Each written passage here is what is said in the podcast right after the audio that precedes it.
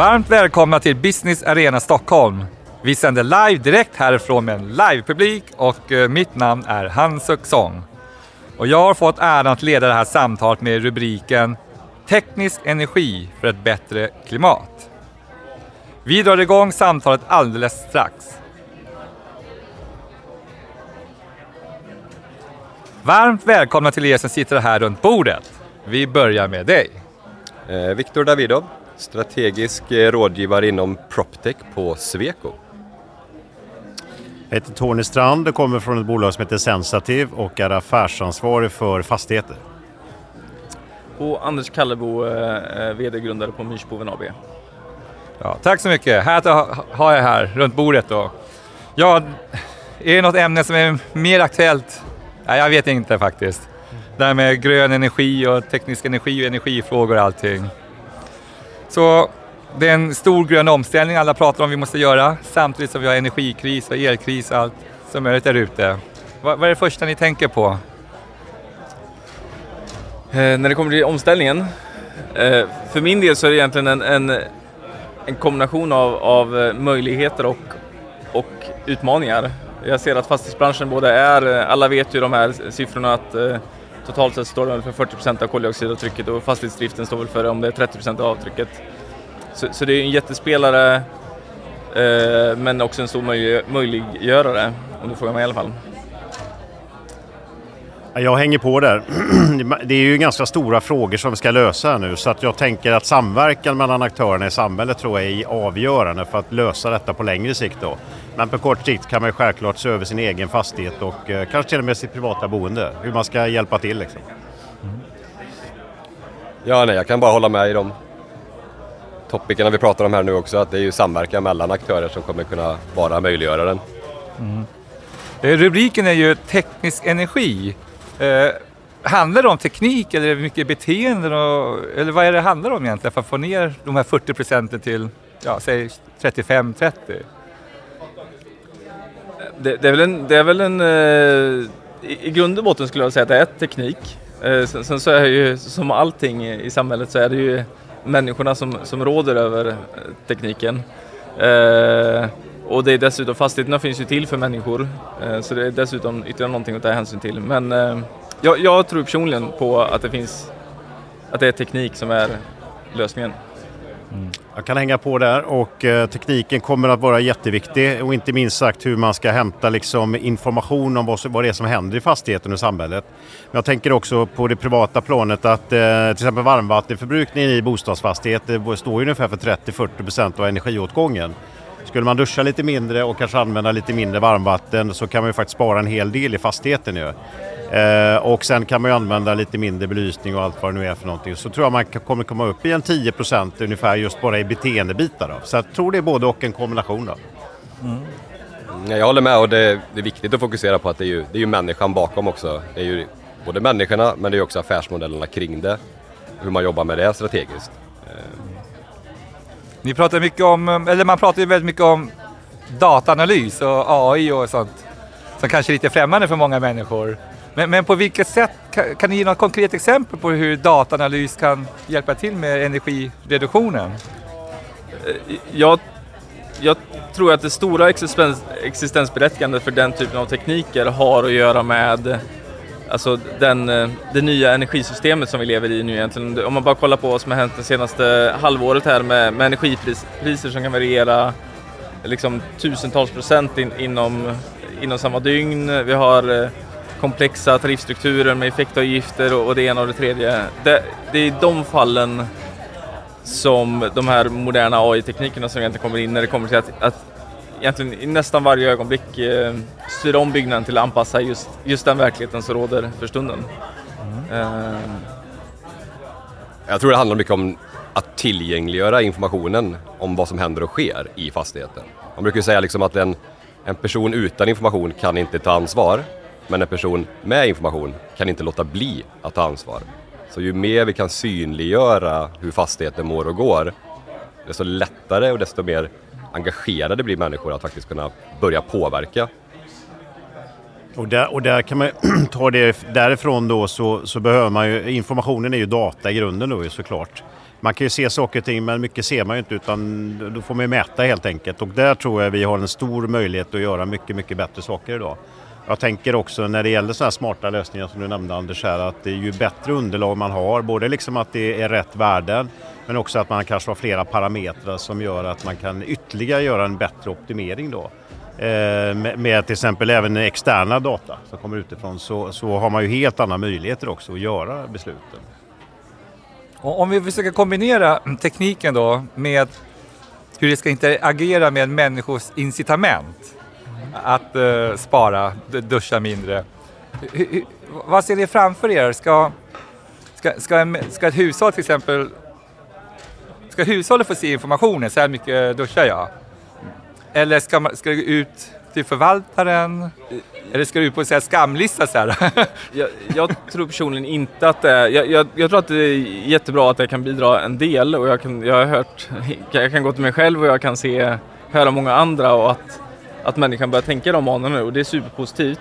För att ta de riktigt stora tårtbitarna så tror jag att det är eh, det, det, är en blandning mellan liksom hård eh, hårda, stora fysiska ombyggnader helt enkelt som behövs göras tillsammans med, med ja, det, det, är en mångfacetterad lösning och, och Viktor var inne på någonting han sa det med affärsmodeller. Det tror jag också är en jätteviktig del i det här för, för att bygga in de rätta instrumenten i, för branschen i stort egentligen att hitta det, det, är, en, det är en rad olika knutar som måste eh, lösas upp egentligen. Mm. Och jag, och jag tänker för att kunna genomföra detta nu så, så är ju de här eh, IT-baserade lösningarna ett väldigt snabbt sätt att komma igång nu och få fart på den här eh, besparingen av energi. Då. Man pratar mycket om solpaneler och om att man ska ha bor borrhålslager och allt vad det är för någonting. Men det tar ju lite längre tid, det kostar mycket mer pengar och är det så att det kanske till och med är lågkonjunktur nu så kanske man avvaktar med det. Men man behöver inte avvakta med energieffektivisering med hjälp av, eh, av mjukvara, smart mjukvara tänker jag. För det har ju en helt annan liksom, affärsmodell som kanske passar bättre i det här läget. Mm. Jag tror att det är viktigt här också att tänka på lite hur fastighetsbranschen är uppbyggd. Alltså vilka aktörer det är som spelar på den och varför finns den och hur, hur ser dynamiken där ut? Eh, och vi kommer till det liksom att fastighetsbranschen är ju väldigt duktig på och fastighetsägare är ju väldigt duktig på transaktioner, juridiken kring det här, projektutveckling, uthyrning. De, de kan de delarna. Och tillbaka till sam, samverkan som vi pratade om. Det de kanske ibland saknar, det finns alltid undantag, men det är ju det här, det digitala som vi kan hjälpa till att effektivisera med ihop med hållbarheten. Den kompetensen finns alltid, inte alltid ute i de här bolagen i den dagliga verksamheten. Och där kan ju vi alla här hjälpas åt. Och jag vill, ett problem som verkligen har seglat upp på min stora liksom, eh, svarta lista som jag ser det är bristande ekonomiska incitament. Jag, jag kommer nyligen här från, eh, var med i New York på den här eh, Climate Week som har varit där, men det, samma sak gäller egentligen för stora delar av den svenska fastighetsmarknaden också. Det är att här, det, det, är kallhyror som gör att, eh, som exempel då, vi var i, besökte en fastighet i New York och den skulle typ vara ganska typisk för, för branschen i stort där. Mm. Och då ligger de på energikostnader på 300 kronor per kvadratmeter och och man kan liksom se med en gång att det finns enorma besparingar med, med ett jättebra business case. Men i praktiken så, de investeringar som, om man skulle investera i förbättring där så skulle besparingen tillfalla hyresgästen för det är de som betalar notan. Och för dem så är det här kanske det deras största kostnad är lönen och sen så kommer lokalhyran och sen så kanske det kommer fyra, fem, sex andra bitar som kommer då. just energikostnaden för dem är en icke-fråga. Och det är bara att gå till sig själv så här, um, som bolagsdrivare så kommer någon och försöker sälja på en tjänst som kanske är jättebra men som är inte prioriterad för dem så, så är det kört. Så då kommer man inte framåt. Ja, det är ett problem som du säger Anders. Och, och, eh, och, men det finns även det finns vissa undantag då, kanske bolag som är tvungna att ha en, en viss eh, miljöpåverkan för att kunna liksom genomföra sina affärer. För det är många andra som operativa bolag som ställer krav på just eh, eh utsläpp av CO2 och liknande.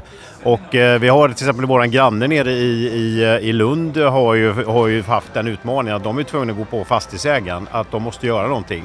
Och det handlar om att de ska vinna projekt egentligen för att kunna klara av sina eh, miljöåtaganden. Så att, ja, absolut. Och det, och det jag tänker att ju mer sådana incitament som finns, desto bättre är det. Men det är ju som du säger att om det, om det är liksom inte är e, ekonomiskt viktigt så blir det ju liksom, då händer det ju mindre. Liksom.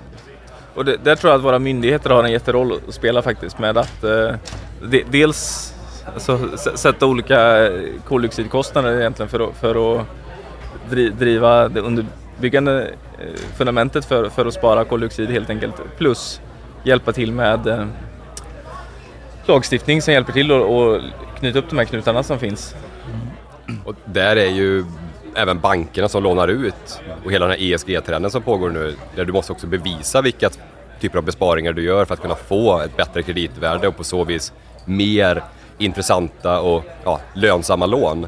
Det, som du är inne på Anders, liksom, det, det hjälper ju att driva den här frågan framåt.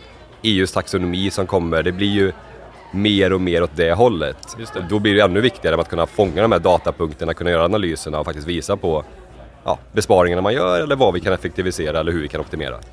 Och det, och det är faktiskt väldigt glädjande att, att de mekanismerna kommer in och, och finns faktiskt. Det får man säga att politikerna fick, får ju mycket ovett men, men det, är, eh, det är mycket bra som sker också. Mm. Men det kan ju vara så, jag tänker på att det, det är ju väldigt finansiellt drivet fastighetsbranschen och eh, kommer det med in i ett Excel-ark en kostnad eller en, en möjlig eh, besparing eller något annat så, så har man, det kommer ju styra slutändan. Det är ju så man tar sina beslut känns det som. Mm. Ja, det är otroligt viktigt som ni säger att fastighetsvärderarna förstår effekten av den nya tekniken och eh, har ni en känsla av att de verkligen räknar hem besparingspotentialen? Jag, jag kan ta ett exempel. Vi, vi var uppe och pratade med en, eh, en fastighetsutvecklare, väldigt välkänd sådan. Och, eh, vi hade en dialog kring det här om det är värt att liksom göra någonting när man säljer en fastighet till någon annan. Och då menar han på, det har, vi har ju inte betalt för det. Eh, men å andra sidan sett så kommer det bli en lägre energikostnad. Så att då blev nog dialogen att oj, det var ju mycket billigare än vad jag trodde att det skulle vara. Så jag tror att det handlar rätt mycket om att vi behöver sprida kompetensen också. Vad, vad som krävs för att göra det här. Det behövs inte så mycket pengar och det är ett väldigt snabbt ingrepp. Då. Eh, och eh, när man inte vet det så är det också svårt att ta beslut. Så jag tror man måste sprida ordet så att säga. Och jag tror, alltså, idag, och dit vi är på väg, vi måste börja se våra fastigheter, våra byggnader som produkter. Inte som en klassisk investering eller tillgång i en balansräkning och resultaträkning utan att det blir en produkt. Och hur kan vi sedan effektivisera och förbättra den produkten så den blir attraktiv på marknaden? Både för hyresgäster men även vid försäljning. Så att det finns ju jättemycket att göra där rent hur vi ställer om i tänket kring hur vi ser på våra fastigheter. Mm. Alltså det, jag hör att det är väldigt mycket en pedagogisk fråga egentligen. För allt det hårda jobb man, man gör då med att investera och implementera ny teknik. Och så ska det då synas på sista raden så att säga. Lönsamhet och värdering. Och det, det stämmer verkligen. Jag, jag, brukar säga att en, eller jag har en kollega som säger att ens, ens bästa egenskaper är också ens sämsta. Någonting som är väldigt skönt med fastighetsbranschen är ju, det, det vi jobbar i i alla fall, är ju att det är en förvaltningsfas och det gör så att lågkonjunktur eller högkonjunktur spelar inte så stor roll. Branschen kommer finnas kvar och den behöver tas hand om. Det, det, är det positiva liksom. Men nackdelen är också att den är också då brutalt decentraliserad. Man kan övertyga och göra ett bra jobb i en fastighet och sen så måste du göra ett bra jobb och övertyga i nästa fastighet och sen så igen och så igen. Så att ska man lyckas välja ett fastighetsbolag så kanske det, är, det kan vara hundratals personer som man ska imponera och bygga förtroende för. Liksom. Och det, det är en pedagogisk utmaning som du säger. Mm. Hur, hur, ser ni på de här, äh, de här äh, rating, miljörating. Så alltså BREEAM, LEED de här äh, miljöbyggnader. Ha, ha, vilken betydelse har de egentligen? Jag är spontant positiv, väldigt positivt inställd men jag ska inte säga att jag har världskoll heller. Eh. Nej, men det känns som att det driver ju på, det är ett incitament liksom, att kunna sätta någonting på byggnad. Det blir också en varumärkesdel och en möjlighet att marknadsföra det såklart. Eh, och då ställs ju vissa krav eh, och det är klart, då måste man ju anstränga sig kring det. Sen vet jag inte om det är hela lösningen, men vad tror ni? Ja, men absolut är det ju steg i rätt riktning. Det ja. belyser ju behoven och utmaningar som finns och också förhoppningsvis lite sätt att lösa det på. Min erfarenhet är väl kanske att, och nu är inte jag heller någon expert i just det här området, men att vi kravställer gärna men vi följer inte alltid upp på det. Så det blir mer en pappersprodukt snarare än något faktiskt som skapar värde. Så det gäller att göra hållbarhetsarbetet hållbart och det är ju inte alltid det är det idag. Nej. Ni nämnde tidigare att eh, en stor del energibesparing kanske eh, kan komma då från egentligen renovering eller ombyggnad, isolering eller ny teknik i det befintliga beståndet. Men när det gäller just AI-tekniken, alltså de här sensorerna som ska kopplas ihop med befintliga fastighetssystem. Hur fungerar det? Är det kommunikationsproblem där mellan nya och den gamla tekniken? Ja, det är ju det. Det, är ju det. det finns ju många olika tekniker och dessutom implementerar man det på väldigt olika sätt. Eh, och det är till och med så att man nästan implementerar det på olika sätt i olika regioner eller områden då, av, av historiska skäl. Då. Det gör liksom att för att kunna hämta den datan så behöver man liksom koppla upp sig till väldigt många olika typer av system och många olika typer av protokoll. Då. Och det är väl liksom den tekniska utmaningen i detta. Och eh, varför det? Jo, det tar tid att eh, koppla ihop de här helt enkelt. Och där, där, där har vi försökt göra vårt bidrag att göra det enklare egentligen och snabbare då. Så jag tror liksom att man måste titta lite grann på hur vi ska hantera och få upp den här datan så man kan använda den då. Det är också en sån här utmaning som jag tror vi måste jobba vidare med. Och det viktiga här är också att tänka att bara för att det är en utmaning idag att vi har ett legacy i våra fastigheter, vissa är mer smarta än andra, vissa är mer förberedda än andra och så vidare. Det är ju inte en anledning till att inte börja. Det är ju, det är ju liksom väldigt viktigt att belysa det. Att, ja, vi har utmaningar men vi måste ju börja nu. Det, det, var, det var, precis det jag skulle komma till egentligen. Att, att, så att det är verkligen så, man, man ska inte låta det goda skymmas av det perfekta liksom. Det, jag skulle säga att det är i, i, den stora majoriteten av fastigheter går att koppla upp med olika lösningar. Eh, det kan vara olika lätt men det är fortfarande tillräckligt lönsamt om man säger så.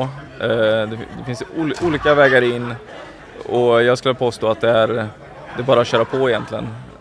Jag tror att det, det är också viktigt att tänka hela beståndet men att vi, man går in och gör tester och provar och lär sig och utvärderar. Gav det här nytta? Kan vi sedan skala på det här?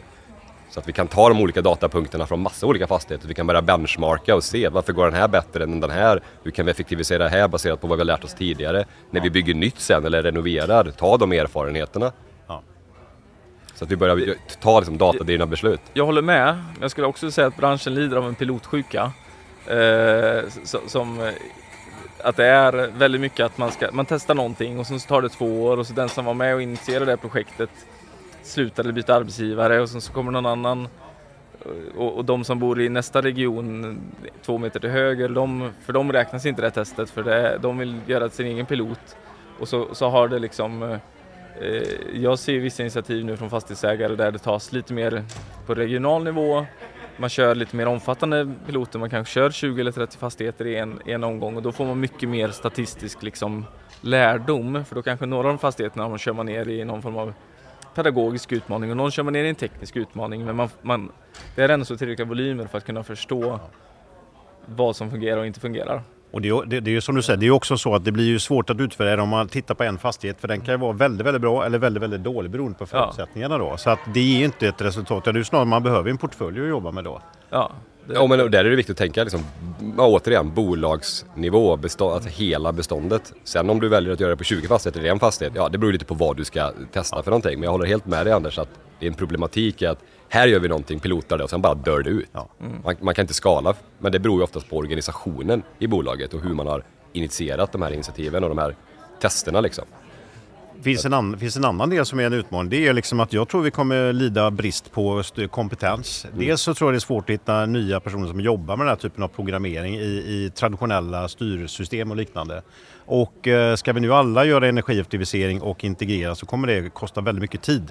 Och det tror jag också kommer bli en propp och ett stopp egentligen. där måste man hitta, liksom, dels att vi får fler in i branschen men kanske också hitta sätt att vara smartare där. Då.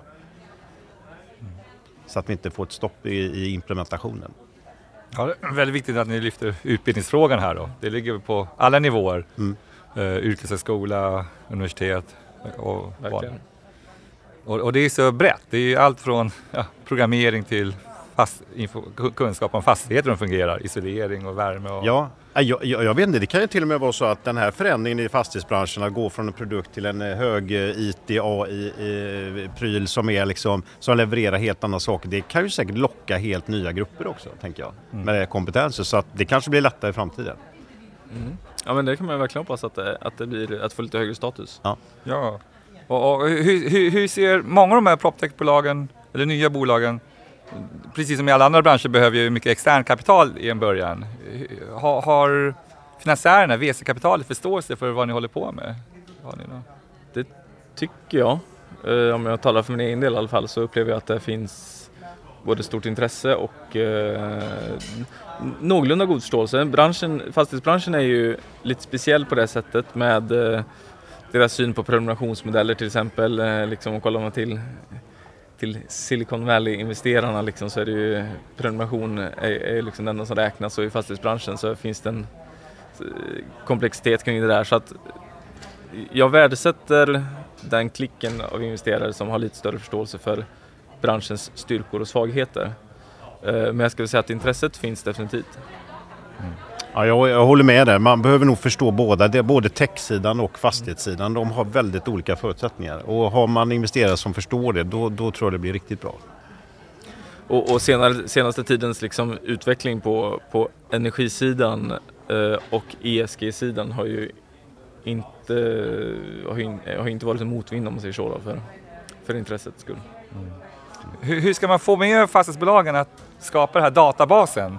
Alltså den här databasen som följer ett antal byggnader under flera år egentligen, oberoende av människor.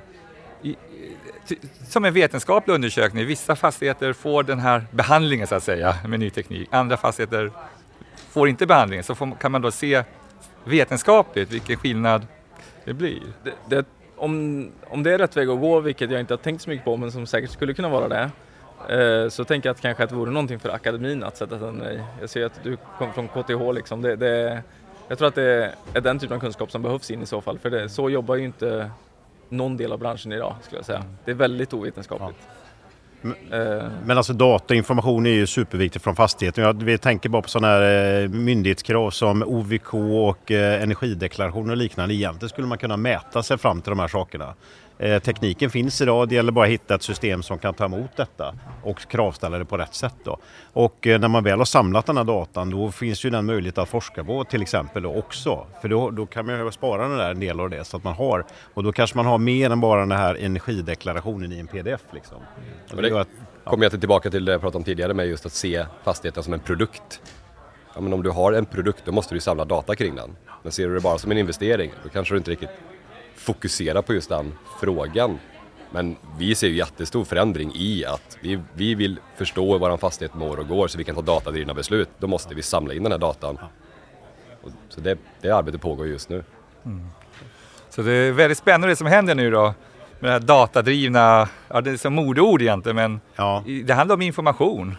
Men, men Anders brukar prata om det här med, med flexmarknad, att man ska lämna från sig effekt och sådana grejer. Och då, och då, men men det, det, tycker jag, då, då, krävs ju det att den fastigheten som gör det har lite koll på sina egna grejer. Liksom. Verkligen. Datadrivet och alltihopa det. Och det är ju samma om man då ska samarbeta med några andra fastighetsägare i närheten i en område eller kanske med energibolaget. Då måste ju energibolaget ha koll på sitt. Så jag tror liksom att alla får nog göra sitt jobb också för att få det att funka. Eller vad tror du Anders som har varit inne i det här? Liksom?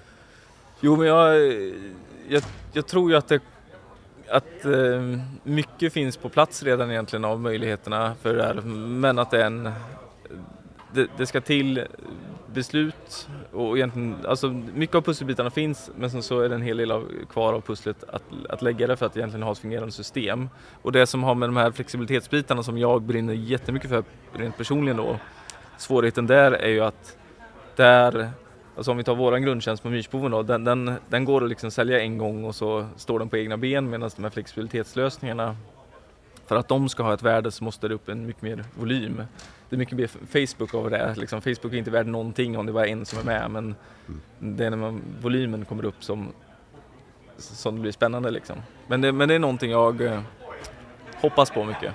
Ja, där tänker jag att akademin kan göra storhet. Det där tror jag liksom hur man ska bygga en sån infrastruktur framåt och på vilka grunder. Ska det vara öppen data? Ska det liksom, hur ska man få ihop den här energihanteringen och eh, sådär? Mm. Ja, skalbarhet och öppenhet är ju väldigt viktiga ord i de här sammanhangen.